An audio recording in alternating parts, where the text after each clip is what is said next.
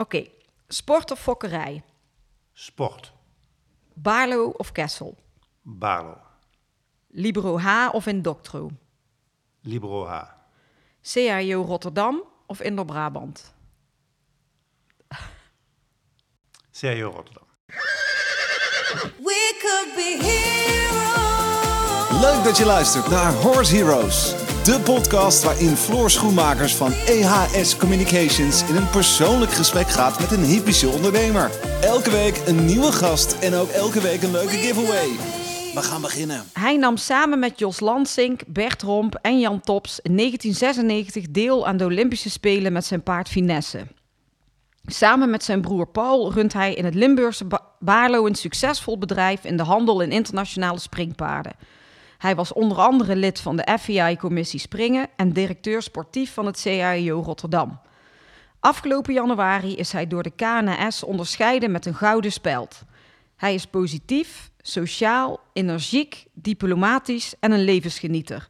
Hij hecht veel waarde aan zijn familie en vrienden en is daarnaast gek op muziek, voetbal en lekker eten.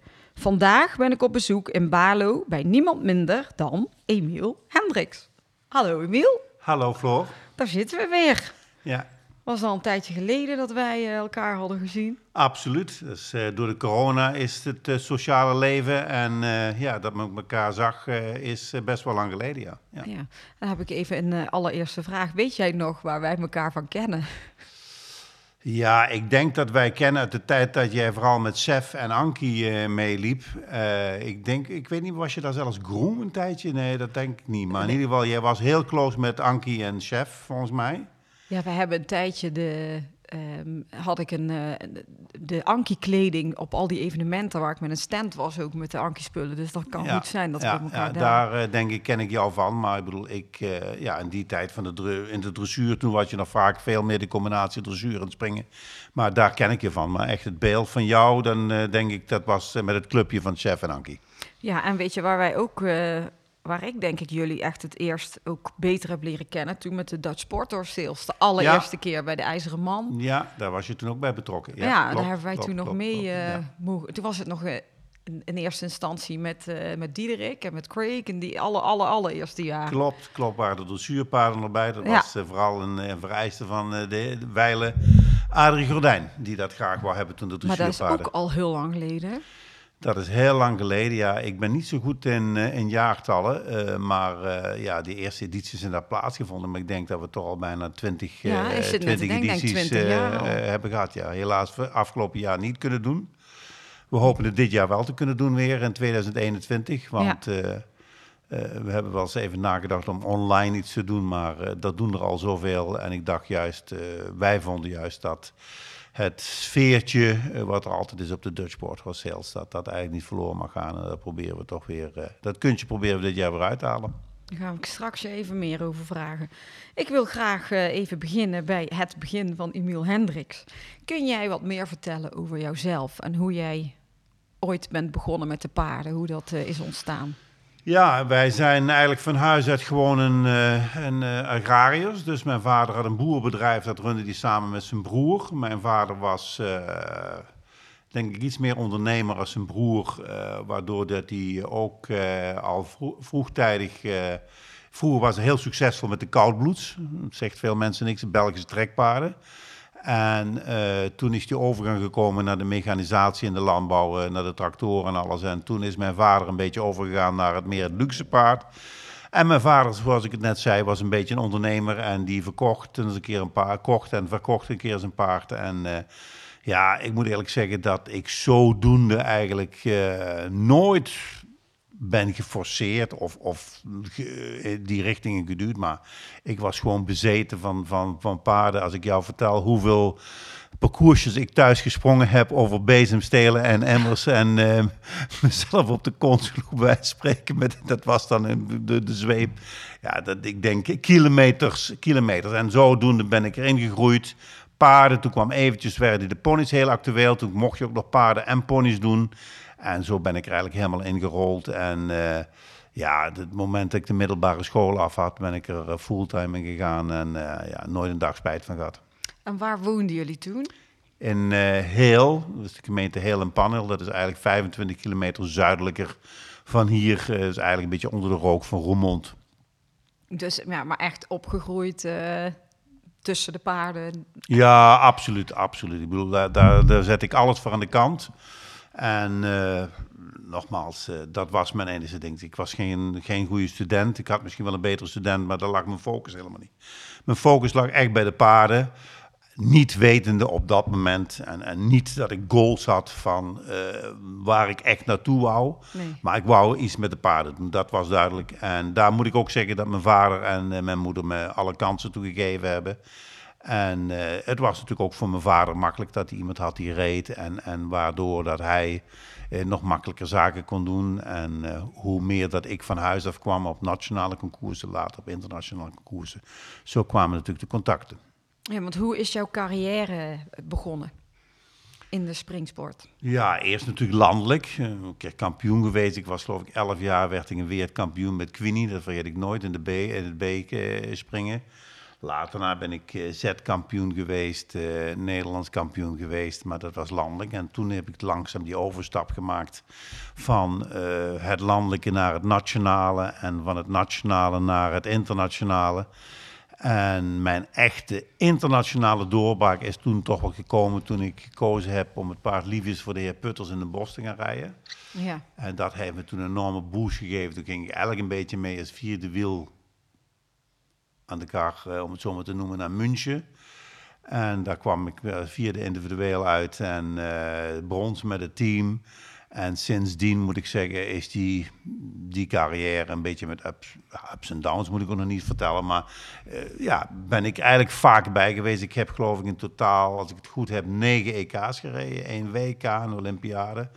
Dus ja, dat kan niet iedereen zeggen. En uh, ik, ik, ik heb enorm genoten. Enorm genoten. En ik heb een, uh, in 2002 heb ik afscheid genomen, ook bewust. En nogmaals, ik kan alleen maar terugkijken op uh, de mooie tijden waar ik ook ups en downs heb gehad. Uh, daar heb ik ook slechte momenten gehad en, en betere momenten gehad. Maar dat denk ik, dat hoort bij een sportman. Ik bedoel, vallen en opstaan. En ik heb altijd gezegd, je moet weten wat verlies is, dan weet je pas hoe echt mooi winnen is. Ja. Dus, ja. Maar je, je bent toen begonnen in Heel. Ja. En vanuit daar, hoe, waar ben je toen naartoe gegaan? Ja, wij hadden natuurlijk een boerderij in Heel, maar er was maar minimaal plaats. Eigenlijk, die boerderij was best wel groot, maar er was natuurlijk eigenlijk plaats voor hetgene waar geld mee verdiend werd. Dat was koeien en, en uh, het was een gemengd bedrijf en, en akkerbouw. En uh, van daaruit uh, werd die handel toch iets groter. En toen heeft mijn vader een boerderijtje gekocht erbij.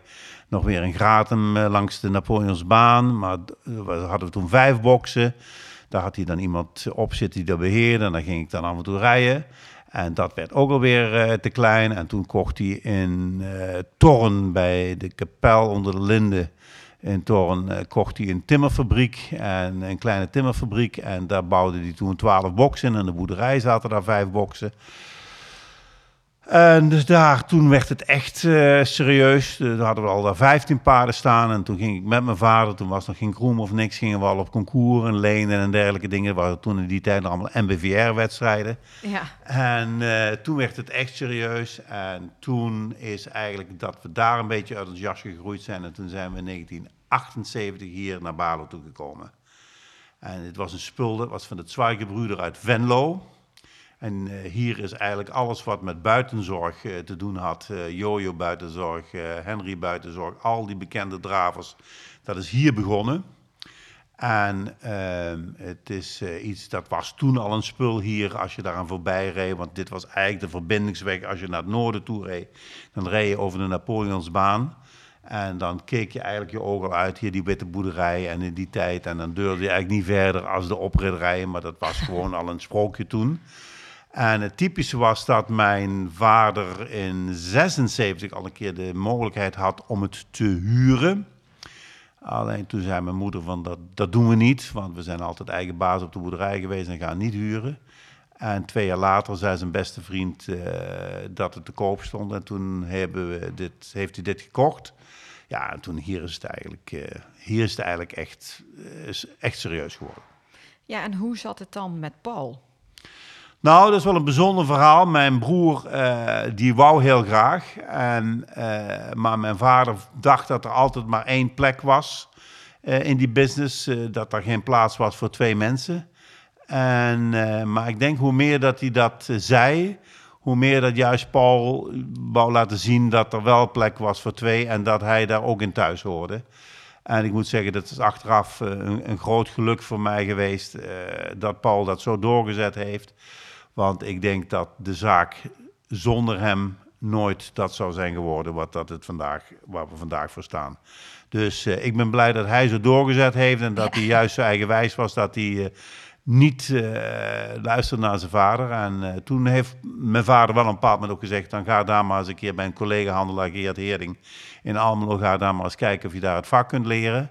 Nou, dat is zo gebeurd. En uh, ja, het is, het is, een samenwerking geworden. En het typische is eigenlijk dat uh, mijn vader dus vroeger de boerderij samen met zijn broer runde. Dus ik met Paul samen uh, de, de, de, business run. En, en tot nu, tot, he, tot op heden nog steeds.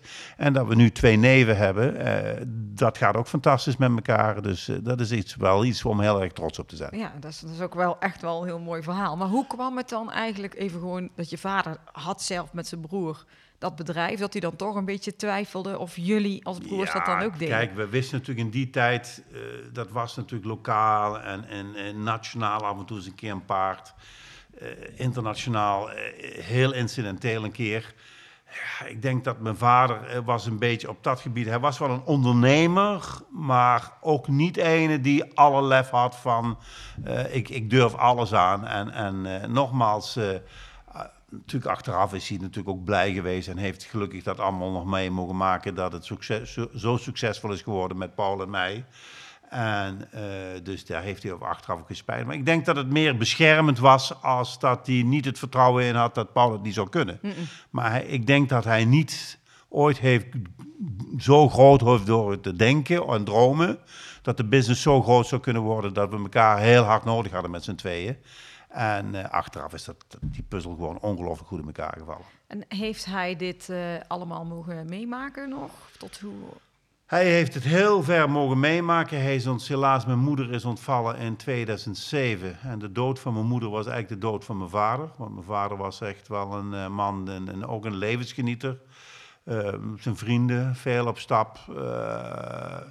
maar ehm, uh, het moment dat zijn vrouw ont, ontvallen is, dus moeder gestorven is, had hij geen aard meer. Hij had zijn vrienden nog om zich heen, die hebben hem echt proberen op te vangen, wouden hem meenemen.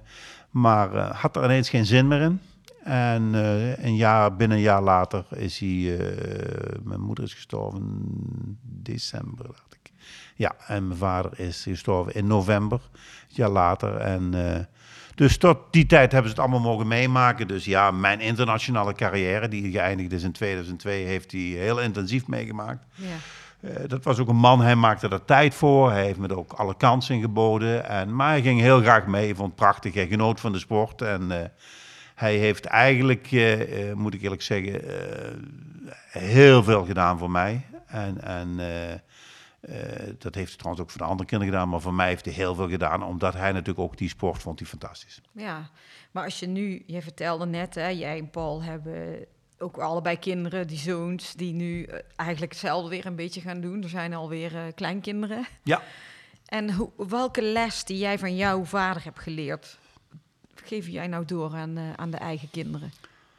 Nou, of juist niet? Wel, ja, of juist niet. Welke les heb ik geleerd? Uh, ik, ja, ik heb dus zelf nu net hier het bedrijf overgegeven aan mijn zoon. Dat is toch wel een, een periode geweest van een, een, een, vijf jaar... dat je daar in, in die rol een beetje moet gaan schikken... en, en dat je een bepaald moment dingen moet gaan loslaten. Je laat al wat dingetjes los. Uh, in mijn bezieling doe je dat dan al goed genoeg... En, en, en, de, en, en dus mijn zoons bezieling vond hij natuurlijk nooit genoeg. Uh, ik heb het nu denk ik echt losgelaten. En ik heb er ook rust en vrede mee.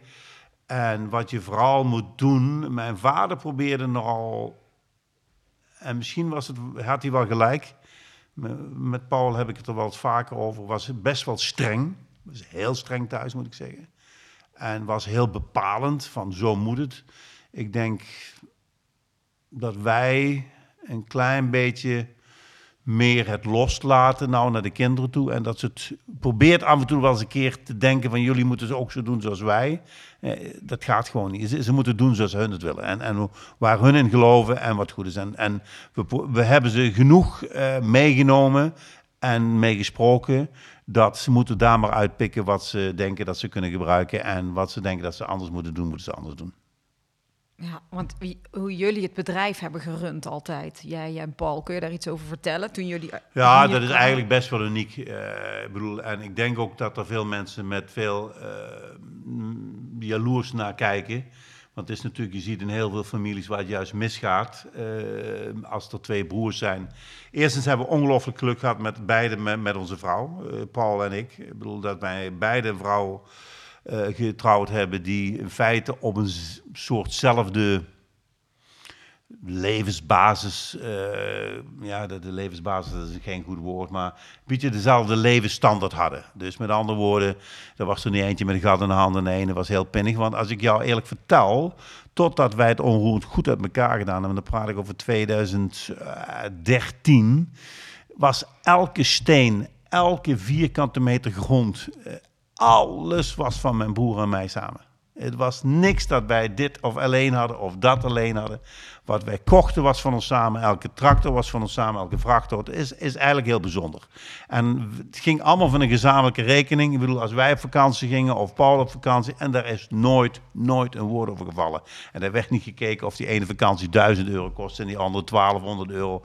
Daar was een soort vertrouwensband en een gunfactor. En dat is altijd uniek geweest, moet ik zeggen. Mijn broer en ik hebben wel best, denk ik, hele verschillende uh, uh, kwaliteiten als, als mens zijnde. In die zin uh, zwakheden en kwaliteiten. Maar nogmaals, ja, dat, dat is heel bijzonder geweest. En gewoon uniek. En als je elkaar zo kunt vertrouwen. En ik zou je vertellen, in 2013, toen wij dus beide een, een, een, een zoon hadden die verder wou met het bedrijf. Toen hebben wij toch wel over, uh, erover nagedacht van hoe gaat dat?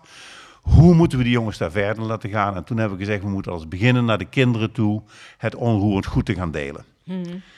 En daar hebben we geen professioneel bureau bij genomen. We zijn beide twee, we zijn twee keer geweest eten met onze beste vriend. Uh, het zijn ook zakelijke mensen zijn dat, die, die ook het een en ander uh, meegemaakt hebben zakelijk. En die hebben ons laten adviseren.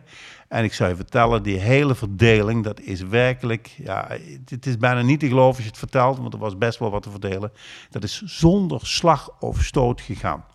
En we hebben niet over één euro een discussie gehad. Dat is echt, als je daarover terugdenkt, dat is gewoon ja, het is gewoon eh, fantastisch. Dat is echt fantastisch en dat proberen we de kinderen ook mee te geven natuurlijk van eh, jongens. Eh, en dat was vooral een boodschap die we altijd van mijn moeder kregen. Het is niet zo dat mijn broer en ik nooit eens een keer woorden met elkaar hebben gehad. Zou ik ook liegen. Maar het kon niet, de, voordat we gingen slapen was het uitgesproken. En dat was iets wat ons moeder ons heeft meegegeven. Uh, als wij ruzie hadden, jongens, bewaar de vrede, zei ze altijd. Uh, het leven is te kort om ruzie te maken. Dat waren altijd woorden die zij erom nahield. En dat klopt ook inderdaad. Het heeft geen zin. En ik soms ook dingen om me heen zien en denk van... jongen, hoe wil je toch niet meemaken dat je met broers of zussen niet meer praat en dergelijke dingen meer. Het gebeurt helaas. Ik bedoel, en ik kan natuurlijk niet uh, voor iedereen niks. Maar wij zijn er trots op dat we het zo hebben gehouden. En dat is vooral een boodschap die we proberen aan de kinderen mee te geven. En dat is eigenlijk ook nu al gedaan in de verdeling. De zoon heeft wat gekregen. we hebben de andere twee dochters daar net zo goed in meegenomen dat die ook een deel hebben gekregen. En uh, ja, we proberen dat vooral, de, die familieband, ja. dat is enorm sterk hier. En dat proberen we de kinderen ook vooral mee te geven. Uh, dat ze daar ook altijd voor moeten proberen te waken. Dat dat, als dat kan, als dat mogelijk is, om dat uh, heel zuinig op te zijn. Ja, en dat geldt heel veel kapot kan maken, maar bij jullie gelukkig nooit, als ik het zo hoor. Mooi. Nee, absoluut. Nee, Goed nee, nee. Ja. Hey, uh, toen jullie begonnen hier uh, met het bedrijf, jij en Paul, hoe oud waren jullie toen? Ik ben van 55, 78, dus dan kun je het wel uittellen. Uh, dat is 23 jaar. En Paul is drie jaar jonger, dus hij was 20. En, hoe, en toen jullie hier begonnen, kun je daar iets over vertellen? Wat er toen, ja, toen stond eigenlijk alleen deze boerderij waar wij nou zitten. Daar woonden wij ook in die tijd. Dus dit was het woonhuis eh, van mijn ouders en waar Paul en ik ook eh, gewoond hebben. En eh, voor de rest stond er niets. Er stond geen binnenmanege bij, daar stond eh, geen buitenpiste bij. Er waren alleen paddocks buiten voor die dravers los te laten lopen. Dus eh, eh, die mensen, eh, die, die een van die... eh, die Zwe- Zwijgerbruder die was gescheiden en die wou dus hier met zijn nieuwe vriendin gaan wonen. En die had al een, de grootste stal al helemaal uitgebroken, maar die wou een zwembad maken. En, eh, en dus daar hebben we toen de eerste weer de 15 boksen terug opgebouwd. Hier was een stalletje met een kleine 15 boksen. Nou ja, en dat bedrijf is gegroeid. Ik bedoel, in, in, in 81 kregen we onze eerste Amerikaanse klanten. Ja, en toen is het eigenlijk allemaal heel, heel snel gegaan. Kleine manege gebouwd, later een grote manege gebouwd. Eh, buitenpiste, nog weer een grotere buitenpiste. Ja, toen is het in een sneltreinvaart gegaan. Eh, toen hebben we op een bepaald moment in 2002, toen ik gestopt ben met mijn carrière als dings, toen trainde ik al best wel wat mensen. Toen hebben we een tweede bedrijf erbij gekocht in Kessel, waar nu mijn broer zit, wat in de verdeling naar mijn broer toe is gegaan. Daar heb ik toen op een bepaald moment in, in, in de beste tijd wel 36 paarden getraind. Ja. Eh, alleen ja, daar was ik van 's morgens tot 's avonds mee bezig. Ook een mooie ervaring geweest, maar op een bepaald moment gaat dan een beetje wel het, eh, de, eh, een beetje kwaliteit verliezen als je er zoveel hebt. Dus met andere woorden, ja, zo is dat allemaal gegroeid. En nu is eigenlijk Stal Hendricks, dus iedereen wel zijn ding, Tim, Barlo, Paul eh, zit met zijn fokkerij in Kessel. En Michel heeft net een eh, nieuw bedrijf eh, met, met, met, met Paul uit de grond gestampt. Eh, eh, ook in Kessel dus. En dat is nou eigenlijk wat Stal Hendricks is. Maar die eenheid is nog bijzonder. Juist toen we eh, natuurlijk hier vanuit alles deden... eh, was die communicatie natuurlijk heel eenvoudig. We hebben dus nu elke maandag om vijf uur s'avonds, eh, 's middags, hebben wij een HX-meeting waar Janou bij zit, waar Michel bij zit, waar Tim bij zit, waar Paul bij zit en waar ik dan nog bij zit. Eh, dan bespreken we dingen, dan is er een agenda, dan is er een actielijst en dan wordt alles goed doorgesproken. En voor de rest is er via een WhatsApp-groep en alles. Dus er wordt nog heel goed gecommuniceerd en dat vinden we ook, hechten we ook heel, vinden we ook heel erg belangrijk. Dat iedereen weet wat er wel zich afspeelt. Niet dat de ene zegt, ja, waarom wist ik dat niet en waarom wist ik dat niet. In principe eh, proberen we juist die communicatie, juist nu dat we dus op drie verschillende locaties zitten, Ja. eh, is, is natuurlijk heel belangrijk dat die goed blijft. En wat is nu de, de hoofdzaak van, eh van Stal Hendricks? Belangrijkste Nou, de onderdeel? hoofdzaak is nog steeds in- en verkoop van paarden. Ja, dan is er wat Tim het typisch is. Paul was eigenlijk meer de, de, de, de, de commerciële man, de inkoper. Eh, ehm, nu zijn de rollen een beetje omgedraaid. Ik was een beetje meer de ruiter. Michel is op dit moment degene die de sport nog eh, eh, ac- actief bedrijft. Tim doet dat eh, op dit moment niet. Die heeft een vrouw die heel actief is in de sport en zeer succesvol is. Ehm, dus de rollen zijn een klein beetje omgedraaid. Dus Tim is ook degene die wat meer reist naar het buitenland. Eens een keer klanten gaat bezoeken, wat wij vroeger ook hebben gedaan. Eh, maar de handel is, is, is, is nummer één. Dan denk ik de tweede grootste tak is de fokkerij van mijn broer. Maar dat is dus echt van mijn broer alleen. En daar, ik heb wel een aantal veulentjes met hem samen en Tim heeft er.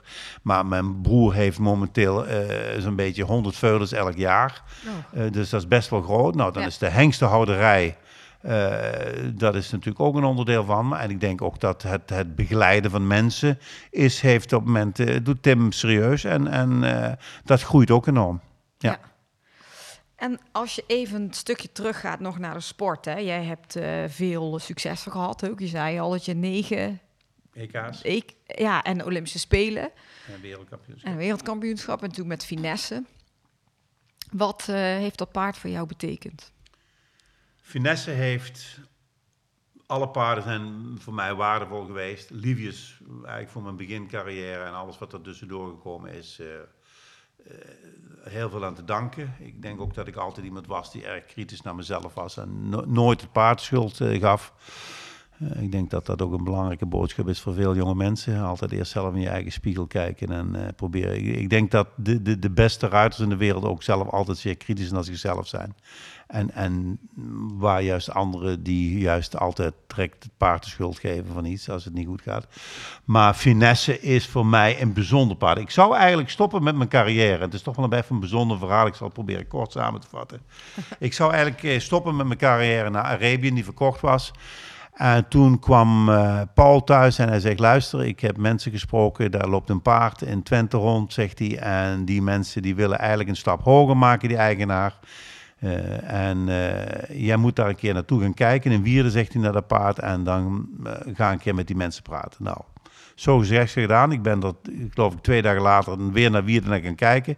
Heb eerst de jongen, de ruiter en zijn vader aangesproken. Omdat ik dat denk dat het altijd chic is als je dat op die manier doet.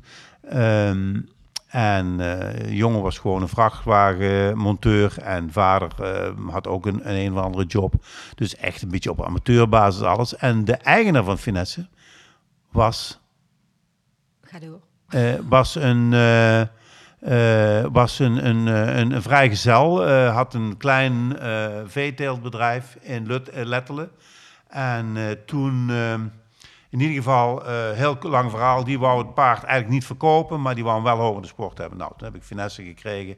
Ja, dat is eigenlijk een gigantisch succes. Paard kwam met ZZ springen in 19, moet ik even nadenken. Wanneer was Atlanta? Ik heb geen idee.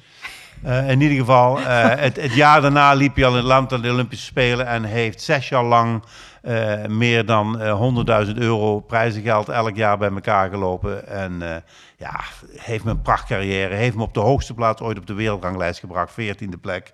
Grote prijzen mee gewonnen. Landenwedstrijden mee gewonnen. Medailles mee gewonnen. Was gewoon uniek. En ik had alleen gehoopt dat ze een mooie afscheid zou krijgen. En ze is helaas aan koliek toen... tijdens de laatste wedstrijd voor Maastricht, waar ze eigenlijk officieel afscheid zou nemen van het sport, is ze helaas door na een koliekoperatie gestorven. Jeetje, ja. Dus die heeft nooit ja. nooit van de oude dag, van het oude pensioen, wat we ze graag gegund hadden, kunnen genieten. Nee. Maar daarna ben jij ook gestopt?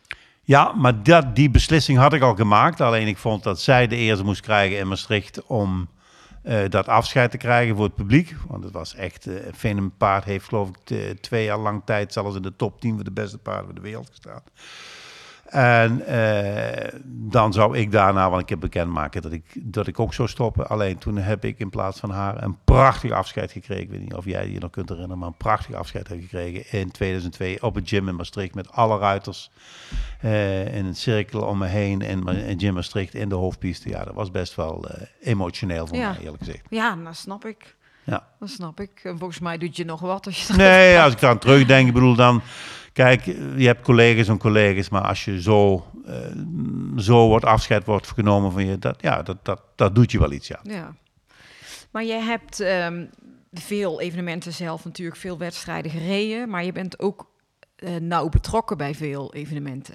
Ik ben altijd wat breder georiënteerd geweest en dat is vooral gekomen, ik deed al heel lang zelfs concours piek uh, uh, organiseren. In eerste instantie heb ik dat hier in Balo gedaan, op het oude autocircuit, waar nou Massa is Kassa een, een camping aan het maken. Ja. En uh, toen later is dat eigenlijk opgepakt in Manege de Leijster, de Roggel, Concours Piek met Limburg. ja, dat heeft, ik denk, meer dan 25 edities gehad. En dat was hartstikke leuk om te doen. Ik, bedoel, ik heb buiten het rijden ook altijd iets proberen terug te doen voor de sport. Nou, later daar ben ik heel erg nauw betrokken geweest als directeur sportief bij uh, het, het, concours Piek San Patriano. Ja. Uh, waar je alles van af weet. Uh, dus dat was een bijzondere community daar, maar met allemaal drugsverslaafden. Ja. daar ben ik bij betrokken geweest. Later ben ik gevraagd door de nieuwe voorzitter toen van Rotterdam, Frans Lavoy, waar ik een bijzondere goede vriendschap aan over heb gehouden. Uh, gevraagd of ik uh, directeur sportief uh, zou willen worden en de opvolger van Jan-Willem Keurner. nou, dat heb ik met heel veel plezier gedaan en ik heb echt mooie, mooie, mooie tijden beleefd in Rotterdam. En ja, ik denk dat het onder dat bestuur, waar ik een deel van uit maakte, toch weer helemaal op de kaders teruggekomen. Want het was eigenlijk een beetje aan zijn einde. Ja. Dus daar ben ik trots op. Nou ja, zo ben ik betrokken geweest bij uh, nog meerdere dingen. En later ook bestuurlijk. En uh, nou, dat vond ik heel leuk. En dan uh, de Peelbergen. Ja, daar ben ik dan in die zin, nou, Stal Hendricks is daar nou bij betrokken, maar zo zijn er velen die de, de hypische sector een warm hart toedragen en ook mensen die niet direct gerelateerd zijn aan de hypische sector. Uh, toen de lijst het wegviel, uh, toen, kwamen er, uh, toen was, kwam er een groot gat voor ons hier in deze regio. En er zijn allerlei initiatieven geweest om dat op te pakken. Dat die eerste initiatieven zijn toen niet gelukt. En toen hebben wij, mijn broer en ik, een keer gezegd van... Uh, tegen Hai Verdellen en Maat Vestjes, moeten jullie niet eens een keer met de hypische sector praten? Nou ja, oké, dat, dat wordt vandaag nog als uniek gezien. Hoe dat eigenlijk collega's, concurrenten, eigenlijk daar met z'n allen, en ik denk vooral naar de, naar de volgende generatie, hun schouders eronder gezet hebben. En ja, als je ziet wat daar nou staat, is dat ook iets uh, wat trots op te zijn. Nou ja, daar ben ik dan ook later in het bestuur gekomen. Heb ik toevallig gisteren weer de eerste fysieke bestuursvergadering gehad. Dat was ook wel eens, leuk om elkaar te zien.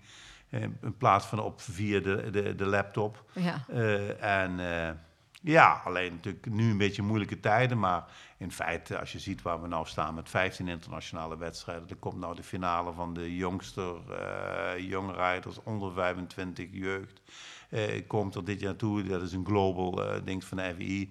We krijgen nu zelfs de, de second division, de eerste week van juni, van de Nations Cup al binnengehaald ja, het NK vorig jaar was een enorm succes. Dus ja, dat, dat, vind ik heel leuk om te doen en daar heb ik nu ook de tijd voor. En, en in die zin, Ken Ruijsen, momenteel de manager, die moet vooral de credits krijgen met zijn team om zich heen. En wij als bestuur proberen daarin te sturen en te kijken waar we kunnen helpen. En dat is een hele mooie uitdaging.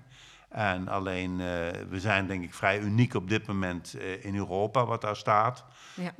Alleen, ja, anderen zien ook het succes ervan en zitten ook niet stil. Nee, maar ja, hoe lang bestaat Pilbergen nu? Zes, zeven jaar denk ik. Ja, maar het is ook echt een enorm begrip in uh, paardenland. Ja, heel absoluut. snel geworden. Heel snel geworden, en absoluut. En het is, het is altijd, we hebben al gezegd, we gaan niet voor een zeven, we gaan niet voor een acht, we gaan voor een negen. En ik bedoel, er is altijd ruimte om iets te verbeteren.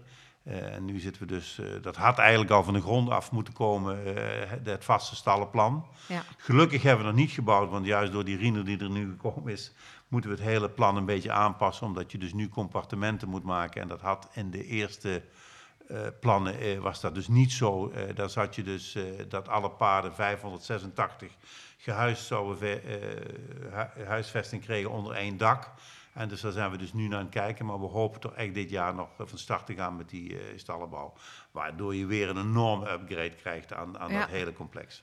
Ja, leuk. En dan komen daar ook weer allerlei uh, nieuwe evenementen uiteindelijk. Ja, wereldkampioenschappen, maar dat heeft dan weer een beetje in de combinatie met ECDP en Grand Doors, wat in feite ja. een, een beetje één is uh, te maken. WK, vier spannen, twee spannen. eventing komt steeds meer op de kaart daar te staan. Dressuur is er al een paar keer plaatsgevonden. Dus ja, we proberen veelzijdig te zijn. We willen ook echt een podium te zijn van, van topsport tot, tot de basis. En dat, dat lukt op dit moment goed. En het is wel een hele uitdaging om mensen 50 weekenden per jaar gemotiveerd te krijgen om alles er tip-top bij te hebben liggen.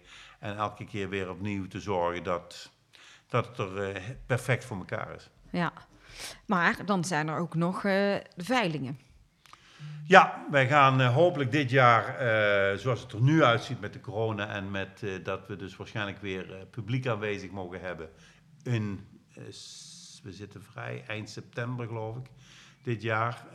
dus we gaan ervan uit dat we er weer mensen bij kunnen hebben.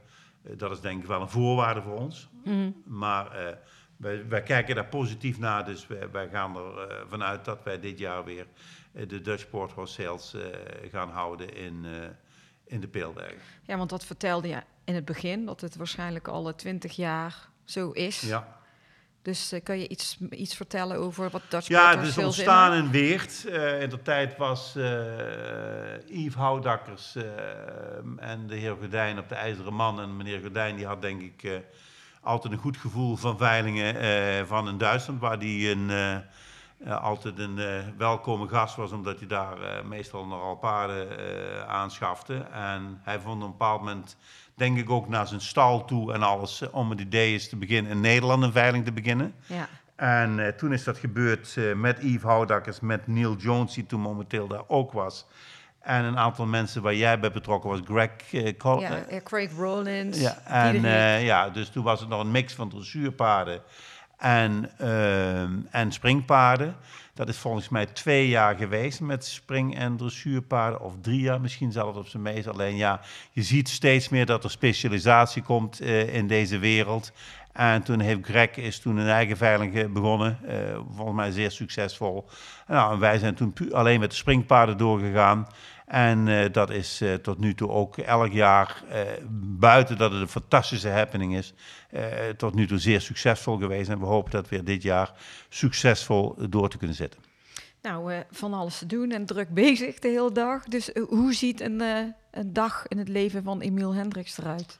Ja, ik moet zeggen, dus sinds dat nu mijn zoon dus de hele verantwoordelijkheid en de zaak hier overgenomen heeft, dat ik best nog wel druk ben. Ik, als ik tegen Paul zeg, ik ben nou aan het rentenieren, dan is hij niet blij dat ik dat zeg. uh, en dat is ook niet zo in die zin. Maar alleen bij mij is, is de een fase in het leven gekomen dat uh, ik wil nog heel graag, maar ik moet niks meer. Ja.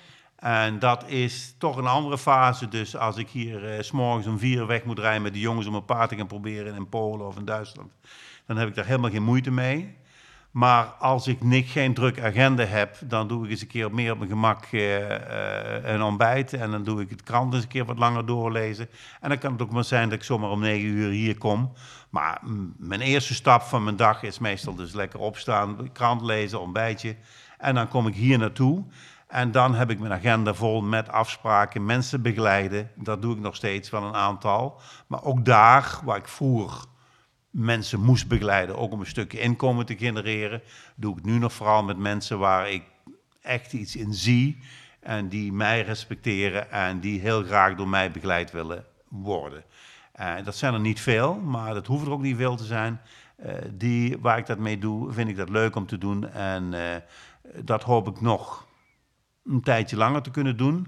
Maar nogmaals, ook dat is geen must. Ik bedoel, nee. nogmaals, als mij een, een, een, een, een een ruiter of Amazone die echt uh, potentie heeft, vraagt of ik dat wil doen, dan sta ik daarvoor open. Uh, maar dan moet ook daar niks. En voor de rest ben ik nog druk. Ik heb nog steeds een, een groot aantal paarden met mijn broer samen. Dus die handel, uh, dat gaat ook nog steeds verder. Nou, die jongens, dat doen we samen. Af en toe wel eens een paard mee kopen. Die hebben een eigen BV. soms kopen ze het alleen. Ja, voor de rest, ik concoursen bezoeken. Nog steeds toch een beetje scouten ja, bedoel, alles wat ik leuk vind en, en wat ik niet zou willen missen. En wat ik hopelijk nog de komende 15 tot 20 jaar nog mag doen. Ja. Maar nogmaals, wel in mijn eigen tempo. Ja. En dat is belangrijk. Het, tempo wordt, wordt nou bepaald door mezelf en niet meer door de zaak. Nee, maar ja, we gaan even een stukje terug. Hè. Als je denkt een jaar geleden, meer dan een jaar geleden, toen uh, brak, kwam corona in Paardenland. Toen was het uh, maart 2020. Weet jij nog wat je toen aan het doen was? Ik weet heel goed dat wij maart, 15 maart bij elkaar hebben gezeten met de familie. 15 maart.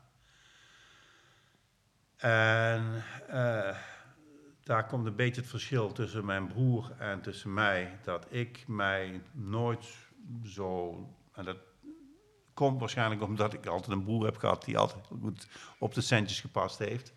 Dat ik me daar nooit zo druk om maak. Dus ik was daar uh, ook best wel een beetje bezorgd over maar niet zo bezorgd als mijn broer. En achteraf heb ik gelukkig een beetje gelijk gekregen, want nogmaals, we hebben natuurlijk best wel uh, mindere tijd gekend, laten we daar heel eerlijk in zijn. Ik zal je een voorbeeld geven dat wij gemiddeld hebben wij elke week ofwel een Amerikaan ofwel een, een uh, Canadees hier over de vloer. Ja. En sinds 15 maart vorig jaar hebben we één Canadees over de vloer gehad. Tot nu? Tot nu. Jezus. Dus alleen doordat wij al sinds begin 80 jaren een cliënteel hebben opgebouwd en een vertrouwensband hebben opgebouwd, hebben wij nog gelukkig, en met goede mensen die wij in Amerika hebben zitten, hebben wij nog veel paarden kunnen opsturen en via de video kunnen verkopen. Mm -mm. Moet ik zeggen dat wij ons, uh, moet ik niet klagen, hebben wij ons redelijk goed door die hele coronacrisis doorgesleept. Maar wij zien er natuurlijk naar uit dat we weer klanten kunnen begroeten, dat je weer fysiek elkaar kunt treffen. Een keer gezellig met klanten kunt gaan eten. En dat is er natuurlijk allemaal niet meer bij geweest. Dus Nee. wat dat er gaat, wij mogen helemaal niet klagen. Ik denk dat veel mensen die op een klein appartement zitten of op een klein huisje hebben met kinderen die, die, die niet naar school kunnen gaan en die beide ouders thuis moesten werken, die, die benijd ik echt niet. Eh, hebben wij het nog helemaal niet slecht gehad. Ik bedoel, ik kon van mijn huis naar de boerderij. Ik heb eigenlijk door de corona heb ik het rijden weer een beetje meer opgepakt. Oh ja, wij weer gaan rijden? Ja, ben ik weer. Ik reed niks meer en ik ben ik toch weer gemiddeld 1, 2 paarden per dag gaan rijden. Dus uh, ja, toch om een beetje de dag te breken. Maar wij zijn in feite, buiten dat we natuurlijk niet naar evenementen konden gaan en alles, maar ja, in feite die vrijheid en die ruimte die wij natuurlijk nog steeds hebben, uh, dat is natuurlijk in deze tijd wel echt een rijkdom geweest. En heeft uh, corona voor jou privé nog iets veranderd? Nou, ik kan het nou rustig zeggen, uh, in die zin, ja, ik ben veel meer thuis geweest heb er wel iets door geleerd. Ik, doe, ik, ik, ik stak normaal gesproken nooit een hand uit in het hele huishouden. ik, ik, uh, en dan niet denken dat ik al aan het stofzuigen ben, maar ik ben toch een klein beetje meer, uh, ja, weet je wel, dat ik een keer de afwas weggezet of zo. Ik bedoel, ik deed echt helemaal niks. Ik ben gaat. Ik kan niet koken, ik kan echt helemaal niks. Dus ja, ja, je hebt de tijd wat meer samen, toch wat meer samen kunnen doorbrengen. Ik ben veel meer thuis geweest. Ja, dat heeft vooral de familie erg. Uh, het was al een echte familie, maar we hebben gelukkig een groot huis. En moet dit misschien niet te hard roepen, want we hebben het ons niet altijd keurig in de regeltjes gehouden. Maar we hebben het wel heel gezellig samen gehad, ja. En dat is ook wat ik zeg. Ik bedoel, wij hebben echt niet privé echt afgezien van deze corona. Laten we dat even duidelijk uh, stellen. Dus we hebben ja, als familie zijn er toch nog mooie dingen met elkaar kunnen doen. En uh, ja, dus eigenlijk dankbaar. En vooral dankbaar dat het zelf uh, ons niet uh, overkomen is. Laten we dat vooral ook stellen. Oh ja, het oh ja dus, niemand... Uh, van onze kant niemand. Paul zijn kant wel. Ook niet met geen ziekenhuisopnames en dergelijke dingen meer. maar, nou ja, bedoel, als je... En ik was zelf daar ook wel een beetje te makkelijk in toen het allemaal kwam. En toen dacht ik over, ja, het, het zal allemaal wel. Maar oké, okay, het is toch natuurlijk ongelooflijk ernstig geworden. En... Uh, als je ziet wat het voor een impact op de hele wereld heeft gehad, ja. is natuurlijk ongelooflijk geweest. En had je dat nooit van tevoren kunnen bedenken, dat een pandemie uh, de wereld zo zou kunnen vasthouden op die manier. En ja, ik denk wel dat we daar iets van geleerd hebben allemaal, om, om blij te zijn met hetgene wat je hebt en, en niet erg te vinden met hetgene wat je niet hebt. Want uh, dat, denk ik, heeft onze coronatijd ook wel eens meegebracht. En ook naar de kinderen toe. Uh, waar natuurlijk alles, ja, die, die nooit een slechte tijd hebben meegemaakt, hebben wij ook niet echt ooit. Ons beginstadium, we hebben wel kansen gehad, maar we hebben toch wel hard moeten werken om, om centjes te verdienen en om alles een beetje vrij te krijgen. Hebben die kinderen natuurlijk alleen maar in feite mo mooie tijden meegemaakt. Ja. Ik denk dat voor de kinderen, voor, voor de, de, jongere generatie ook wel eens goed is dat ook niet de bomen altijd tot aan de hemel groeien en dat er ook eens een keer iets kan gebeuren in deze wereld. En dat is wat mijn broer al heel vaak gezegd heeft. Ik bedoel, omdat wij juist heel erg afhankelijk zijn van Canada en, uh, en Amerika als ooit eens een keer door een een of ernstige ziekte daar werkelijk de deuren zouden worden gesloten, dat je zegt je mag geen paard meer daar naartoe exporteren, dan, is dan hebben wij wel een probleem. Ja. Dan hebben wij wel een probleem en ik denk dat dat ook eens goed is dat je uh, innovatief wordt door zo'n pandemie, dat je dan juist op andere manieren probeert. Ze hebben één of twee online veilingen georganiseerd met wat jongere paarden. Dus je leert er daar ook wel weer andere dingen door te doen. Uh, maar nogmaals, uh, ja, wij zijn er gewoon uh, heel redelijk tot goed doorheen gerold. Want dat is wel een van de creatievere dingen die jullie hebben bedacht dan in die coronatijd om toch online die veilingen te doen? Ja, ja, ja. ja. Dus de, de, de veulenveiling, en dat is denk ik nog steeds nu de vraag of we die online gaan doorzetten. Of dat we dat toch ook weer gaan integreren in de Dutch Port Horse Sales. Dat is ja. nog de vraag, daar is nog geen beslissing over gevallen. Uh, nou, Paul heeft natuurlijk een fokkerij met veel jonge paarden. Uh, die wil natuurlijk ook iets verkopen. Nou ja, als je geen weinig klanten of je mag helemaal geen klanten ontvangen, dan, dan moet je iets denken. Nou ja, dat is de eerste keer is dat goed gelukt. En ik denk ook dat dat, dat, dat, dat gaan ze ook weer herhalen. Dus ja, dat zijn dingen die leer je als een coronatijd. Dat is makkelijk genoeg. Nou ja, hetzelfde is het vergaderen. wat ik dan, vooral door de KNS nog in die tijd, toen ik er nog actief bij was bij de Peelberg. Ik zeg, we hebben gisteren weer de eerste fysieke vergadering gehad. Ja, dat is natuurlijk ook wel een les, denk ik, geweest voor de hele maatschappij. eh, dat eh, je kunt dat fysiek vergaderen misschien ook wel eens een keer halveren, wat allerlei voordelen heeft naar eh, het klimaat en dergelijke dingen meer. Ja. Daar denk ik wel dat we een hoop hebben van kunnen leren, ja. En dat je ook niet altijd zomaar in een auto moet stappen om te gaan vergaderen. Ik, het fysieke contact is natuurlijk wel prettig en ik denk ook dat dat er moet blijven. Maar ik denk wel dat je, als je waar je normaal 12 vergaderingen op jaarbasis hebt, dat je ook misschien in de toekomst kunt zeggen van we gaan reces fysiek doen en we gaan reces eh, via Zooms doen. Ja. Eh, het kan gewoon, het is gebleken. ja, maar ik denk dat iedereen daar nu ook wel eh, steeds meer aan gewend is. Ik, ik weet ook wel de eerste keer dat ik een vergadering had, dat je tegen een computerscherm zit te praten. Ja. En nou is het gewoon bij iedereen wel is normaal geworden. ja. We gaan even naar een stukje muziek.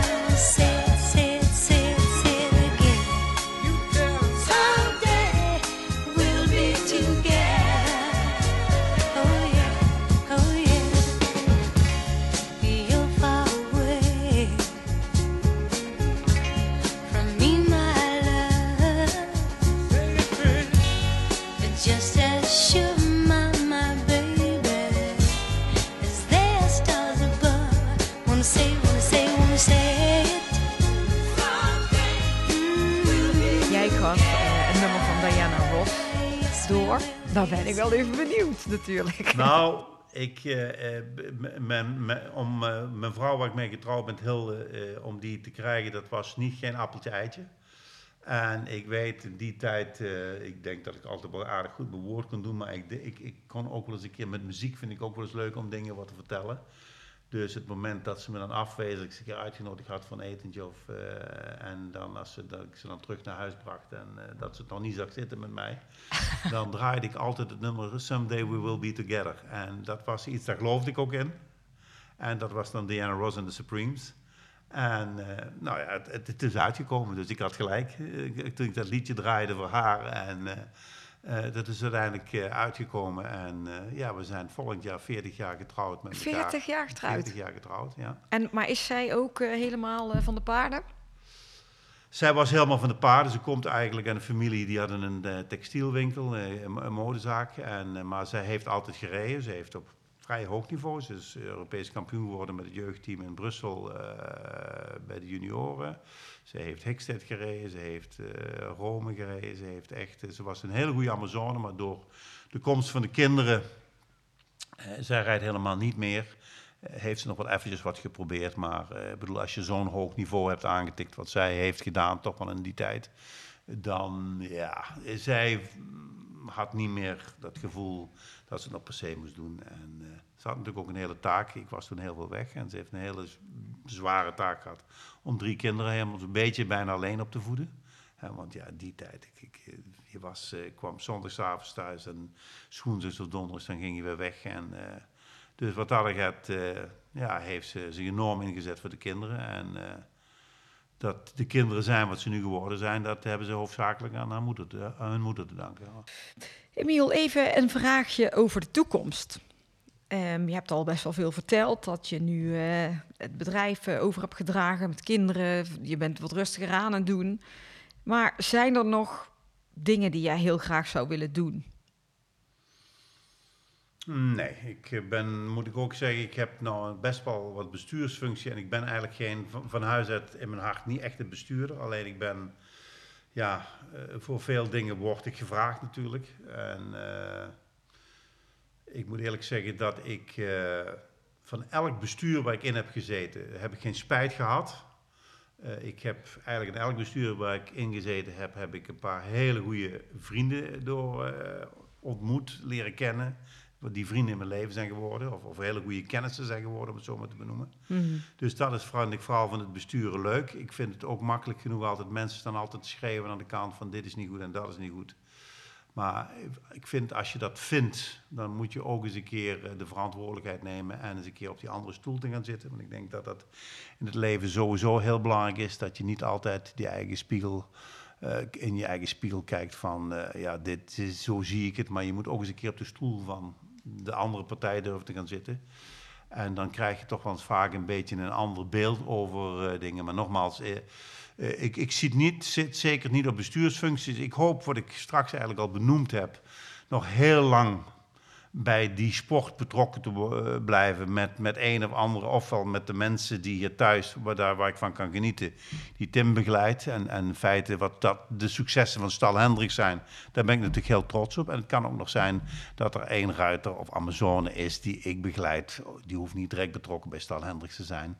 eh, die, waar ik nog van kan genieten. Eh, ik zou me ook kunnen voorstellen dat wij misschien straks eens een keer een paard hebben die het aller, allerhoogste niveau aantikt en dat die misschien wel bij een ruiter dan neerzet die werkelijk die ingang wat makkelijker heeft tot de allerbeste wedstrijden. En dat eens een keer te gaan bezoeken, dat vind ik mooi. Ik kan genieten van de sport, maar dat je dat een beetje in combinatie doet eh, met mijn vrouw samen, dat je daar dan eens een leuk weekend van maakt in een mooie plek. Ik bedoel, ik zou me kunnen voorstellen, je een paard hebt lopen in Rome, eh, dat je daar een keer naar gaat kijken, maar dat je daar ook dan niet van eh, vijf dagen van 's morgens tot 's avonds op een koer wil zitten. Dat, dat zijn dingen, daar zoek ik een beetje naar. Ik ben niet echt een vakantieman. Ik vind het leuk om eens een keer een leuk weekend ergens naartoe te rijden, naar een plekje waar we nog niet kennen. Lekker culinair te genieten. Ja. En eh, ja, er zijn nog zoveel plekken die wij niet gezien hebben. We hebben al best veel wel gezien in ons leven, maar ook nog veel niet. En ehm, ja, dat op die manier een beetje in combinatie te kunnen doen. Hoeft ook niet altijd eh, met een concours of zo te zijn. Dus dat zijn dingen die ik nog doe. Ja, en, en natuurlijk het intens genieten natuurlijk van eh, kleinkinderen. Dat Ja. is natuurlijk echt geweldig. Ik bedoel, en zeker nu ze wat ouder worden, waardoor je als eh, opa zijnde wat meer daaraan hebt. Als ze zo heel klein zijn, dan is dat nog een beetje meer op afstand eh, als, als, eh, als opa. Eh, dus ja, en god, wat gaan die straks doen? Welke sport gaan die doen? Ga je daar straks een keer naar kijken? Hebben die al wat met paarden? Mm, nee, niet echt. De, de, de, de, dochter van Valerie, die, als die hier is, die is er wel erg mee begaan. Maar ja, nogmaals, ik, ik vind dat ook niet belangrijk dat ze met paarden hebben. Ze moeten dat ook aan doen wat ze leuk vinden. Ik vind het toch goed, heb ik tegen de kinderen ook altijd zolang, zolang ze respectvol zijn en ze willen de handen uit de mouwen steken, dan is het mij allemaal eh, goed wat ze doen. Eh, en en dan, dan is het voor mij goed. Ze moeten een goal hebben om 's morgens op te staan en waar ze mee bezig willen zijn. En dat hoop ik voor mijn kleinkinderen ook. Ik hou niet van mensen die lanterfanten, die niks willen doen en geen, geen uitdagingen aangaan. En eh, dus ja, daar hoop ik van te genieten. En ik zeg ook tegen mijn vrouw, we hebben een heerlijke familieband. Hoop ik echt dat dat zo blijft. Maar wij realiseren ook ons, we zijn op het moment gezegende mensen, mevrouw en ik. Ja. Maar ja, wij realiseren ons ook dat morgen aan een klein kind iets kan komen. En dat er een keer een, eh, een, een scheiding zou kunnen komen eh, in een van de huwelijken van onze kinderen. Eh, Ik bedoel, het is niet zo dat wij denken dat wij gespaard gaan blijven van alles. Alleen je hoopt natuurlijk dat je zoveel mogelijk gespaard blijft van dingen. Maar ik bedoel, daar zal daar links of rechts zal er daar ook wel eens een keer iets zijn wat een mokerslag is. Zoals mijn ouders dat ook meegemaakt hebben met het verlies van mijn oudste broer. Ik bedoel, dat- zijn dingen... Ja, daar moet je wel, denk ik, bij stilstaan dat het leven ook morgen een keer helemaal anders kan zijn. En, en dat realiseren wij ons goed genoeg. En ik denk dat ik wat dan gaat ook best wel reëel ben, eh, realistisch. En, en eh, eh, ik pluk de dag, maar ik weet dat het morgen anders kan zijn. Als ik vragen mag, wat is er, wat is er gebeurd met je oudste broer? Mijn oudste broer die had, kreeg met 30 jaar eh Hodgkin. Daarvoor behandeld. In die tijd was er al een reële kans van genezing. Het leek op een bepaald moment ook dat genezen was. En eh, toch weer teruggekomen. En toen erg snel eh berg afgegaan. Ja, er zijn vele mensen die het, eh, die het ook meemaken. Nabij een partner, kinderen. Maar kanker, dat is gewoon eh, iets, iets dat, dat gun je niemand. En... eh, die lijdensweg, eh, vooral het laatste half jaar, is. Ja, het gun je gewoon niemand. En eh, als ik nog het beeld zie. Ik kwam terug van concours in Hengelo, geloof ik. En ik stopte in het ziekenhuis in, in Nijmegen. En dat beeld vergeet ik nooit meer. Ik bedoel, hoe dat, dat die uitzag en, en, en wat die geleden heeft. En, en ja, dat, dat, dat, dat, dat, gun je niemand. Dat gun je nog niet je grootste vijand, laten we het zo zeggen. Dat is, is onvreselijk. En dat is nogmaals iets, daar hoop je van bespaard te blijven. Alleen, ja, je, bedoel, en, en ik geloof ook best wel in gezond leven. En dat je op moet passen. Ik, ik ben helemaal niet zo iemand. Er zijn mensen die, die, die, die dat zijn echt freaks in hun levensstijl. En, en voor gezondheid en dergelijke dingen meer. Ik, ik rook nog steeds een sigaar. Ik bedoel, ik vind alles wat je te doet, vind ik niet goed. Maar ik ben ook niet zo iemand die gelooft in, nou eh, dat. eh, ja, weet je wel, als ik dat ga eten en dat ga eten, en dat me dan niks overkomt. Ik zie mensen die zo gezond hebben geleefd, als je het mij kunt voorstellen. Ja, en die en die worden ook getroffen zijn. En ik ken mensen, en, en dat wil ik daarom niet zeggen dat een vrijbrief is dat je maar moet doen en laten wat je wil. Absoluut niet. Maar ik denk dat je een beetje probeert de balans daarin te zoeken. En dan denk ik, ja, dat je gewoon, je moet geluk hebben. Of je kunt ook zeggen, je moet geen pech in het leven hebben. Maar, maar denk je dat wat jij hebt meegemaakt, of jullie familie hebben meegemaakt met je broer, dat wel bij heeft gedragen aan die hechte band die er nu Absoluut, is? zeker tussen mijn broer en mij. Want als we dan ook wel eens een keer ruzie hadden. En, en, en eh, het klinkt misschien heel gek, maar ook wel eens een keer dat we elkaar huilend in de armen zijn gevallen. Dat we zeiden, want eh, eerst zo'n intense ruzie hadden en later na zeiden van ja jongens, we zijn er maar met z'n tweetjes. eh, We willen elkaar toch ook nog niet gaan verliezen. En, en, maar dat was een ander verlies. Dat heeft ons zeker enorm gesterkt daarin. En, en dat is ook iets wat wij proberen door te geven aan die kinderen. Ik zeg, het leven is zo kort. En, en ik zeg nogmaals, eh, ja, probeer er echt van te maken. Pluk de dag. Eh, Ja. Maar wel op een goede manier. Ik bedoel, het kan niet zijn alleen pluk de dag en eh, voor de rest eh, 's s'morgens niet opstaan om niks te willen doen. Daar, daar, daar kan ik ac- accepteer ik absoluut. Nee, ik vind dit een hele mooie afsluiting voor de podcast eigenlijk, wat jij nu vertelt. Ja.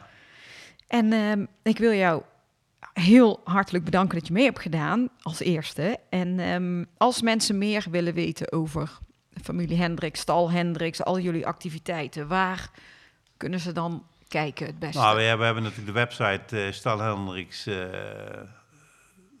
waar je op kunt kijken, waar eigenlijk alles eh, van het hengstation, van de opleidingen, van de trainingen, waar eigenlijk alles staat, alle contactpersonen bij staan. Dus dat is denk ik een hele mooie website. Dus daar kun je, daar kun je terecht. Nou, als het eh, eens een keer echt eh, ja, iets meer willen weten, dan moeten ze gewoon bellen. Eh, en dan waar wij iets kunnen betekenen, zullen we dat proberen te doen. Maar nogmaals, ik hoop niet dat iedereen morgen begint te bellen. Morgen allemaal les. Nou, dan heb je natuurlijk ook nog wel Instagram, Facebook. Toch? Waar ze dingen kunnen volgen? Ehm, eh, dat kan eh, volgens mij wel. Eh, ik zelf en mijn broer zijn ouderwets op dat gebied. Eh, ik heb geen Facebook, ik heb alleen Instagram, eh, mijn accountjes eh, van Stal Hendricks en eh, van mijn schoondochter en van mijn, eh, eh, van mijn eh, oudste dochter, haar zaak en van mijn jongste dochter. Maar ik wil voor de rest eh, niet te veel op social media. Ik, eh, ik vind Jij het gelooft het wel. Je hebt het liever in het echt sociaal. Ja. Ehm, een laatste dingetje. We doen elke week een giveaway. Iets leuks voor de luisteraars om eh, weg te geven van Stal Hendricks of van jou. Heb jij iets leuks wat we mogen verloten? Nou ja, in ieder geval, ik zou willen zeggen dat als eh, iemand eh, een keer leuk vindt op, op Stal Hendricks, te komen, bij Stal Hendricks te komen kijken en de drie bedrijven te willen bezoeken, dan wil ik daar best wel eens een keer drie uurtjes voor uittrekken na afspraak. En dan krijgen ze nog een mooie jas eh, van Stal Hendricks eh, na het bezoek eh, daarbij. Superleuk, superleuk. Nou, dus wat moet je doen om kans te maken op de rondleiding van Emiel? Laat een beoordeling achter op Apple Podcast of een reactie onder onze Facebook of Insta-post van vandaag. En ehm, dan wil ik weer een heel leuk verhaal afsluiten. Super bedankt. Ik heb weinig gezegd. Ik heb veel geluisterd, veel leuke nieuwe dingen gehoord. Graag gedaan, Floor. En ik vind het een heel leuk initiatief wat je hebt. En ik wens je ook daar verder heel veel succes mee. Dankjewel. Nou, tot volgende week. Doei. We could be heroes.